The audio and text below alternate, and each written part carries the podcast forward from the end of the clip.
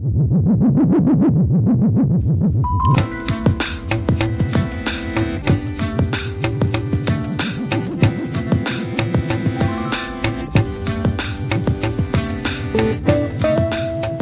ao tempo da conversa toca viaxar a Londres, o Departamento de Inmunoloxía do King's College, onde traballa Iria Gómez Touriño. Moi boas tardes, Iria. Hola, boas tardes, Manuel. Iria investigadora de postdoutoramento cunha prestixiosa bolsa Marie Curie da Comisión Europea.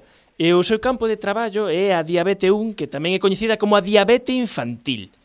Iria, antes de explicar o que é a diabete infantil, temos que poñer en contexto o papel que ten o azúcar eh, no noso organismo. O azúcar e a insulina. Que pasa co, cando consumimos azúcar?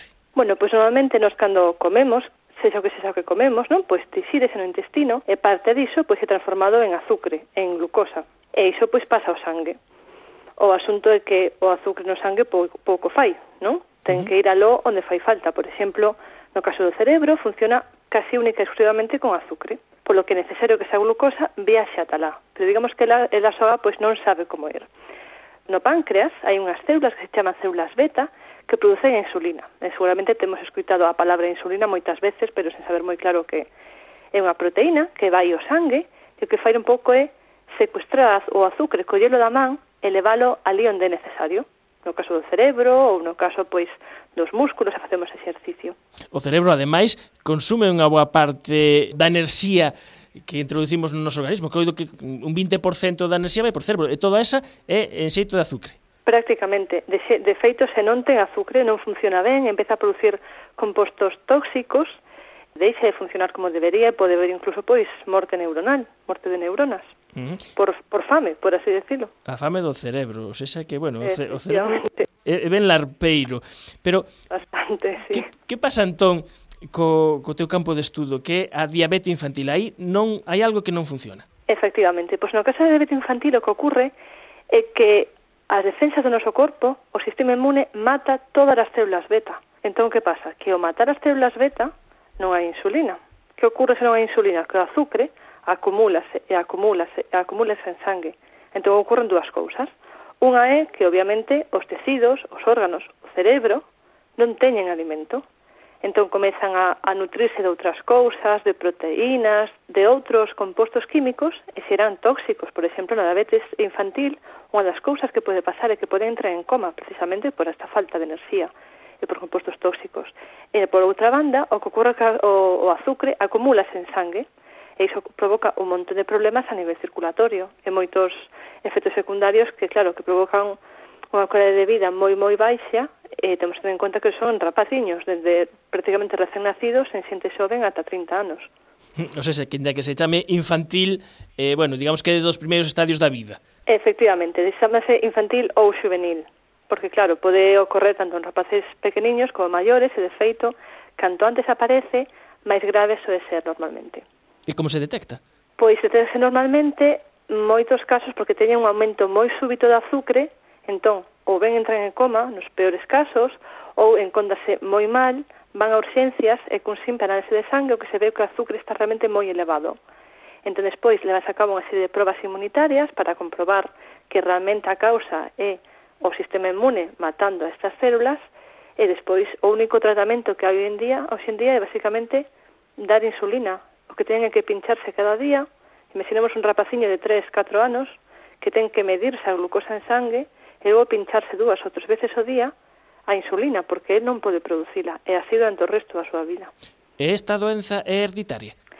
Hai un componente cinético, certamente, pero de todos os xeitos, por exemplo, tense visto que en, en xemelgos hai moitas veces que un ten enfermedade pero outro non. Entón, unha serie de factores ambientais os que todavía non estamos moi seguros, pero, por exemplo, hai un exemplo moi claro, é que hai moitos máis diabéticos no norte de Europa que no sur.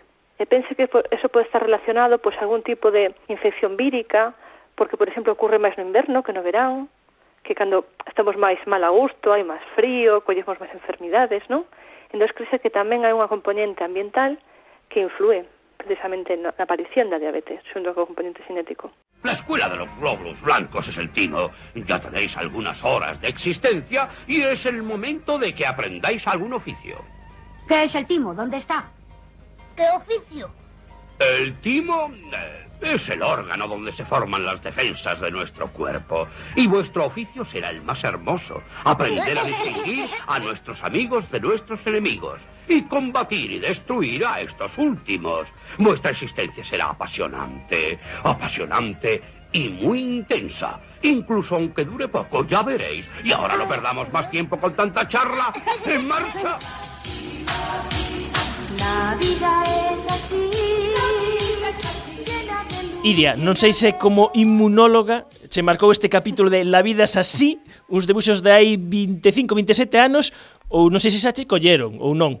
Sí, sí, sí, é perfectamente a miña xeración. De feito, ainda estive vindo este capítulo, pois hai cousa dun ano que tiven que dar unha charla aquí a rapaces de 12 anos do Instituto Español, por certo, os alumnos da clase de galego. E precisamente pusenlles un, un trociño de, dese capítulo para que entenderan un pouco pois que fago e por que o sistema inmune é importante na enfermidades como a diabetes. Bueno, pois pues entonces explicámoslo a nivel de la vida es así.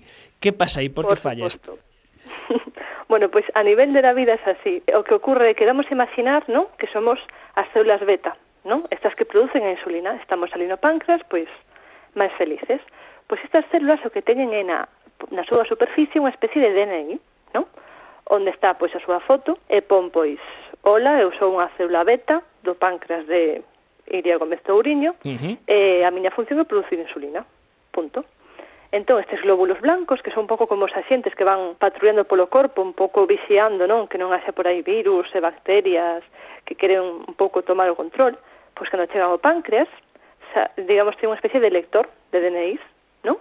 Entón, sacan o lector, escanean o DNI, e din, ah, mira, pois está en unha célula beta do páncreas que está producindo insulina e dos nosos. Pode pasar, Boas todo correcto. Se marchan. Exacto, todo correcto. Collen marcha e siguen patrullando. Que pasa? Que no caso da diabetes infantil, estes glóbulos blancos chegan alá, collen o escáner, pero en vez de ler, len mal. Entón o que len é algo así como son unha célula cancerígena, así que tesme que matar, son un virus perigoso, son unha bacteria intestinal, digamos que len algo que non ten que ver co que realmente a célula conta e o que fan é cometer unha especie de, de homicidio involuntario. Din, isto é un virus, morte. Entón o que fan é matar todas as células beta que estaban ali sen facer nada. Entonces... Non hai insulina Ajá. e diabetes. Entón é o propio sistema inmune que, digamos que isto é fogo amigo. Directamente, completamente fogo amigo. E aquí, xa seguindo con esta boa explicación de estilo La vida es así, vos precisamente estudiades ese problema. E o problema onde está? está no lector de DNIs eh, que teñen os glóbulos blancos ou está en como marcan as células beta o seu DNI? Quen, quen falla aí? Ou fallan os dous?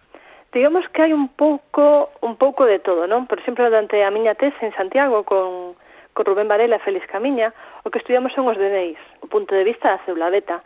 Entón encontramos que hai certos DNIs, por exemplo, pode haber DNIs de plástico verde e outros de madeira vermella e outros, eu que sei, de poliespán amarelo pois encontramos que un determinado tipo de DNIs que son como que predispoñen máis o sistema inmune a atacar esas células. Sen ninguna razón, porque é certo, son células normais, pero é como que son máis sospeitosos, non? Uh -huh. E o que fago agora é estudiar a outra banda, precisamente, agora aquí en Londres, o que estudio son estes escáneres, non? Entón, que se denominan por receptor de célula T. Entón, o que fa, facemos é estudiar cales son estes escáneres que son defectuosos. Porque o saber cales son podemos un pouco pois detectalos ou podemos incluso desenvolver unha serie de células que se chaman reguladoras, non? Que levan ese mismo escáner, pero que fan é mandar unha especie de circular o resto das células que tamén o teñen defectuoso dicindo, atención, que o escáner que tedes é defectuoso, así que non matedes nada, facede o favor. Basicamente, así falado un pouco en debuxo animado, ven sendo que o que estou estudiando agora. As e... dúas mitades ten un pouco a a responsabilidade en que, bueno, o asesino non deixe de ser o sistema inmune. Claro, unha da, das vías de, de tratamento, eh, utilizando, pensando, isto de, de ver que pasa aí co sistema inmune e dicirlle, oye, a mainade, eh, non se sades tan, tan exixentes demais, é o que se chama inmunoterapia con péptidos. Efectivamente, é un grupo no que estou, non temos un pouco a sorte de que traballamos tanto a nivel molecular, así básico, non? que fai cada célula, logo temos modelos de ratón, que tamén son diabéticos, los que probamos estos compostos e despois tamén participamos, eh, participo de feito nun ensayo clínico, onde facemos esta inmunoterapia, que ven sendo como, no noso caso, nesta terapia en concreto, é como eh, inyectar un montón de palabras deses DNIs que son como máis sospeitosos, por así decirlo, non? Uh -huh. Entón, cando todas esas palabras están no sistema, no, no torrente sanguíneo, como que a estes asientes, a estes glóbulos blancos, xa non lle queda moi claro que realmente hai que matar esas células, porque hai tanto circulando que volvese o que se denominan toleroxénicas, volvese un pouco tolerantes, din, moito hai non debe de ser tan malo. Eso tense probado, por exemplo, en moitas alerxias, non? que reciben tratamentos con anticorpos, bueno, pois neste caso estamos a facer con un péptido, en concreto, cunhas desas palabras que aparecen nesos DNI sospeitosos. Eh, estabas a comentar que o, o grupo onde traballas eh, estades eh, enfrontando este problema a moitos niveis nun grupo de investigación eh, Medicina Translacional no King's College. Que significa isto de Medicina Translacional? Translacional, sí, son así un pouco como complicado, pero en sí, eh, o que significa é que conectamos tanto a investigación un pouco na poiata de mezclar este tubo con aquel tubo, e ver o que pasa, e ver se esta célula fai non sei que, pero aparte de descubrir eso, o que intentamos despois é realmente trasladalo a nivel animal y luego trasladarlo pues a nivel humano, a nivel de ensayos clínicos, ¿no? Digamos que esta universidad, igual que as universidades galegas, está asociada a un hospital, o Gais Hospital, que é un hospital realmente moi grande, temos como máis de 30 plantas, ¿no? Eso permite un gran acceso moi rápido tanto a pacientes como tamén os animais, como tamén a investigación básica. Eso permite que todo pois vaya pois un pouco máis máis rápido, non? E que se aplique antes os descubrimentos que se van na Pollata aí cando estás ti sentado un xoves pola tarde. Desde a Pollata hasta a cama do doente. A verdade é que é un enfoque moi moi moi moi atractivo e que fai que non se perdan os, os achados, os descubrimentos nas revistas científicas, sino que cheguen Exacto. realmente a quen o está buscando. Uh -huh. Máis de medio millar de galegas e galegos talentosos tiveron a oportunidade de investigar e estudar como iría nos mellores centros científicos de todo o mundo tras 25 convocatorias das bolsas de posgrau da Fundación Barrié. Este é o caso da nosa convidada desta tarde, Iria Gómez, que agora é bolseira Marie Curie, como dixemos ao principio, pero antes pudeches gozar dunha bolsa de posgrau Barrié. Que supuxo ese ano que estiveches coa bolsa Barrié? Pois a verdade é que foi unha, unha grande oportunidade porque de feito eu aínda estaba en Galicia, non? E eh, decidín que un pouco, bueno, esta investigación sabes como é, non? Como que hai que ir fora para formarse, pero a miña opinión é que logo tamén haberá que volver un pouco para devolver, non? O que, o que temos aprendido. Entón solicitei varias bolsas, concederome a, a, a Barrié e outra máis, pero decidín quedarme coa Barrié porque únete a Galicia e tamén un pouco porque hai unha, unha rede de bolseiros que nos axudamos entre nós, e gustoume o concepto de, de ir fora a formarte, despois un pouco volver, e ensinar o aprendido a facer un pouco que a nosa región pois avance. Entón, supose unha oportunidade de vir por primeira vez a Londres, estive aquí un ano ca, ca Barrié, e despois pois tiven a, a sorte de concederan a, a Marie Curie, que claro, moi prestixiosa, e ademais tens a oportunidade de formarte pagante moitos cursos en xestión de laboratorios ou en xestión de patentes, en outras cousas que realmente axudante un pouco a abrir a, a mirada e ver que non todo sempre apoiate os experimentos, non? Que hai outros xeitos un pouco de facer que os teus resultados pois cheguen antes a cama do doente. Eu coido que estes cursos teñen surtido efecto, coido, porque coido que tamén hai cursos de, de comunicación, de, de como comunicar, como facer presentacións, e, e bueno, unha cousa que un investigador tamén ten que ter, non? Claro, efectivamente, un peso que estes investigadores encerrámonos moito, non? Mezclo esta, esta, esta, este tubo con este a ver que pasa, non? Eh, en realidad eu penso que, que máis que iso, non? Porque a fin do día, se pensas ben, todas as becas que tes ou os proxectos, non deixa de ser cartos, pois, de todos, non? Entón hai que devolver un pouco asociado como está a facer. De feito, con esta bolsa que teña Marie Curie, unha parte moi importante, mesmo na aplicación, na solicitude, é como vou a explicar a xente o que fixe. Que tipo se vou a falar pois, con rapaces, se vou a, a facer visitas guiadas a xente do instituto, no laboratorio, para explicarlle que facemos, se vou a facer un blog, se vou a escribir nun periódico, e todo iso cada vez conta máis, porque eu penso que parte da sociedade pensa un pouco os investigadores como un toro con vaca blanca, bata blanca, pelos raros, que se tira 15 horas ao día no laboratorio. Eu penso que vai sendo un pouco uh -huh moi importante é o comunicar e o transmitir un pouco o que facemos. Pois mándalle eh, logo este, o podcast deste programa os da os de Marie Curie, porque ademais falamos antes da, da Bolsa Barrié e de algún xeito formar parte desa comunidade de Bolseiros Barrié eh, sigues estando nesa comunidade inda que xa desaches de gozar da bolsa.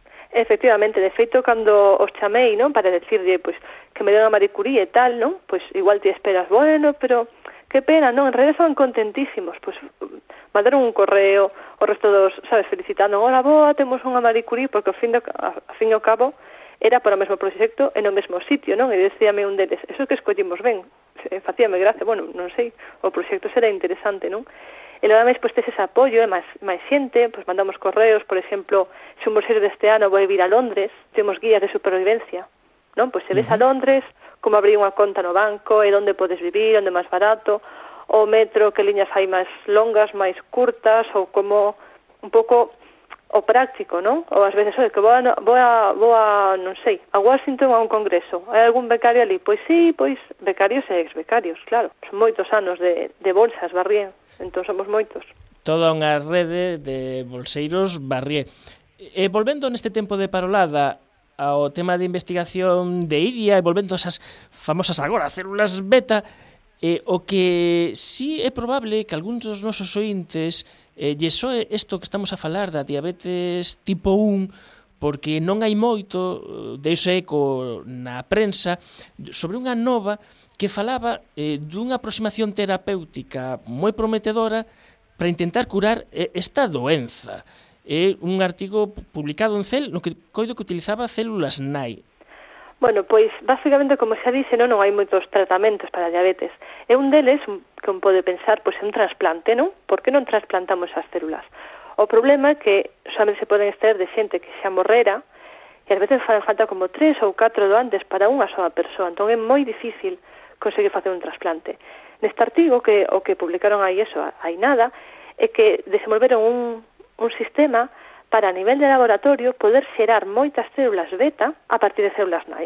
Entón, digamos que mezclando unha serie, creo que eran entre unos 15 reactivos químicos diferentes durante un mes, digamos que cuidando moito as células, consiguen transformalas é unha especie moi parecida ás células beta que producen insulina e que logo o, o insectalas en ratos que son diabéticos, pois consiguen remitir un pouco a enfermidade, que teñan máis insulina e que vivan máis tempo.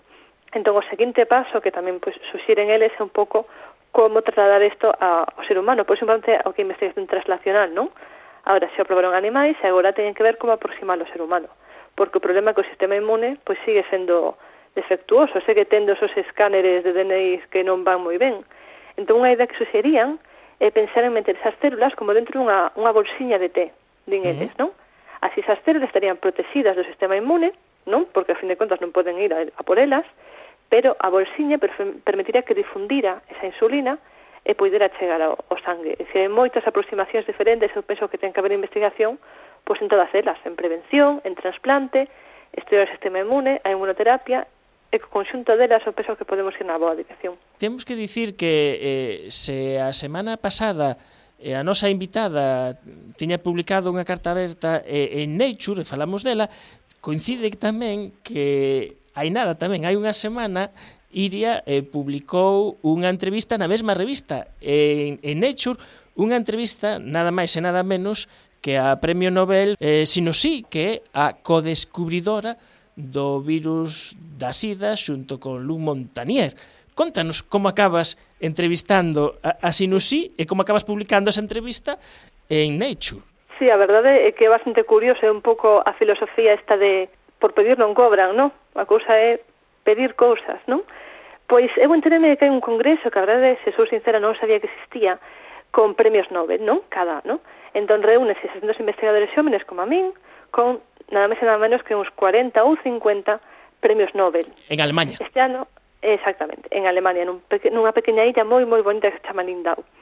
Entón, pois, neste caso, este ano era sobre fisioloxía e medicina, e dixen eu, pois, por que non intentalo, non? Había unha doble selección, no meu caso pola Unión Europea, porque eu son unha Marie Curie, e no segundo caso polo propio comité do, que organiza un pouco todo isto dos nove, non? E unha vez que fun admitida todo iso, pois Nature sacaba tamén unha convocatoria, non? Entón tienes que mandar un vídeo contando pois o que faz, a que te dedicas, e a túa carreira, para ver un pouco tamén se sabes falar en un inglés decente ou non. E despois pues, unha entrevista telefónica, entón seleccionándote ou ben para gravar un vídeo nunha mesa redonda con varios premios Nobel falando de preguntas científicas de relevancia ou seleccionándote para entrevistar a un, a un premio Nobel. En o meu caso, pois, eu suxerín entrevistar a, a, a que relacionou o virus da SIDA, o, o VIH, pois, co SIDA. E nada, total, labor periodística total que nunca tivera feito, sí. pero a verdade é que foi moi gratificante isto de, de entrevistar, puden preguntar, Nature, deixou preguntar todo o que quixen, sen ningún tipo de cortapisa, e despois, pois, transcribí a, a entrevista, un pouco coa axuda dun cun periodista, digamos, de verdade, demos de forma entrevista que apareceu pois a semana pasada, de verdade que moi moi contenta porque penso que hai que probar en, en todos os campos, nunca sabes onde vai haber algo interesante que, que podas facer, un pouco é a miña filosofía. E ten que ser tamén emocionante eh, poder estar con todos estes nobles, falar con eles, e mesmo coito que tamén coñeceches a, a membros do Comité Nobel, así, bueno, tamén está ben ter contactos. sí, Sí, porque, por exemplo, eh, durante unha semana, non? E eh, todas as noites, pois, hai unha cea, pero é tipo, pois, así como boda, non? Cando chegamos a unha boda que hai un plan de como sentarse, non? Mm. A familia do novio aquí, os primos alá, os amigos non sei que, pois é que era igual, pero nesta mesa está o premio Nobel do SIDA, e nesta mesa o premio Nobel do cancro do non sei que, e eh, ti decides onde sentarte un pouco, non? E logo ao final, nunha noite había un baile, estivemos bailando a polca, Entón a mí pois coincidiume de ir de parella precisamente non cun premio Nobel, senón con alguén que é o que decide a quen lle dan o premio Nobel ese ano en Fisioloxía e Medicina. E claro, falando, pois, de onde eres, ah, de Santiago, ai, pois eu coñezo o camiño, un amigo meu fixo unha parte, e acabas en unha situación surrealista, bailando unha polca, co señor que dos primos Nobel, e falando, pois, do camiño de Santiago do bonito que é o norte de España. E na entrevista con, con, con Sinusí, como pensas que ela veía o futuro dos tratamentos contra o SIDA? Eu había unha muller moi moi apasionada, moi que cree realmente no que está facendo, non? E preocupada polo feito de que hai pois 35 35 millóns de de infectados no mundo, que é moita xente. E ademais o problema é que de cada cada persoa que recibe un tratamento, hai dous novos infectados. Eso quere decir que estás infectando máis xente do que do que debería, non? O problema, o problema do tratamento do, do SIDA é que os antirretrovirais funcionan, pero unha vez que deixen de tomalos, a enfermidade volve. Porque vemos que o virus é así un pouco ten un pouco de mala idea e escóndese nas células. Entón, se faz algún novo tratamento que parece que pode axudar a que, digamos, a sida non reapareza cando diminúa un pouco o tratamento. Estamos a falar con Iria Gómez, investigadora no King College, especialista en inmunoloxía, e estamos arrematando o tempo que temos para a conversa. Pero sí quería rematar eh, lembrando que eh, foi precisamente hai unhas poucas semanas no Biospain que coincidimos eh, con Iria e resulta que, que daquela estabas eh, ías asistir na última sonada a Biospain a unha parte que, que tiña este encontro sobre biotecnoloxía que era para as carreiras profesionais dos investigadores, para buscar mm, eh, para que os investigadores busquedes eh, novos sitios, eh, para que as institucións fagan fichaxes. Que tal a experiencia? Supoño que eso terá que ver con eso que decías antes das ganas de que unha vez rematado eh, o período de formación de poder volver. Efectivamente, pois esta eh, é foro de emprego como funcionaba e ti subías o teu currículum non? A, a página web do, de Biospain, do Foro de Emprego, e logo ali había pois moitas empresas, centros de investigación, pois que algunhas delas ofrecían postos concretos, necesitamos agora mesmo, dentro de dos meses, este posto, e outras é un pouco máis a nivel prospectivo, non? Pois queremos coñecer xente, ver un pouco que, que hai, non? Que disponibilidade, eh, para terlos en conta no futuro, non? Entón, despois, pois, ti solicitabas, eu quero reunirme con esta empresa, con esta, con esta, logo eles, pois, ven o teu currículum e deciden se te chaman. Eh, eu penso que é unha iniciativa moi útil porque unha parte por que eu asisten a Biospain, se a fin de contas eu estou en Londres, non? É porque tampouco quero perder, quería saber un pouco pois que se move en Galicia, en España e a nivel un pouco europeo no campo de biotecnoloxía, porque eu estou interesada en ver un pouco como se pode trasladar, non? Tra volvendo un pouco a isto de investigación translacional, o que se fai na universidade, na academia, como din aquí fora, cas empresas. E penso que foi un foro moi interesante precisamente nese eido, e moitas empresas buscan agora mesmo a xente con perfil investigador de universidade, pero que sexa capaz de traballar en industria e un pouco de cambiar un pouco o chip, non? E ser capaz de traballar nas empresas. E máis ou menos é eso que o que andaban buscando no foro de emprego. Isto é como o fútbol, non? Os olleadores que, que van vendo por aí por onde hai talento eh, eh está ben que, que conflúa pois as institucións, os investigadores. Pois Iria Gómez Touriño, eh, moitas grazas por atender os micrófonos de Efervesciencia eh, desde Londres, moitos éxitos nesa carreira investigadora. Bueno, moitas grazas a ti, Manuel, moitas grazas por terme.